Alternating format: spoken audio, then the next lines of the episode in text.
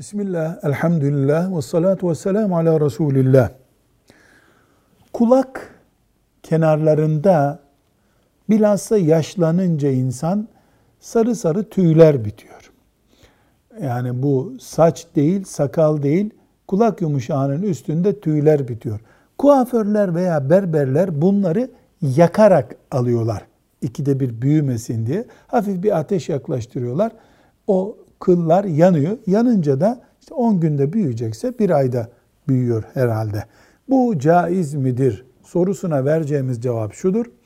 Eğer bedene bir zararı yoksa, sağlık açısından bir sıkıntı oluşturmuyorsa bu tür, bu tür tüyleri hafif bir yakmayla almak caizdir. Bir sakıncası yoktur. Velhamdülillahi Rabbil Alemin.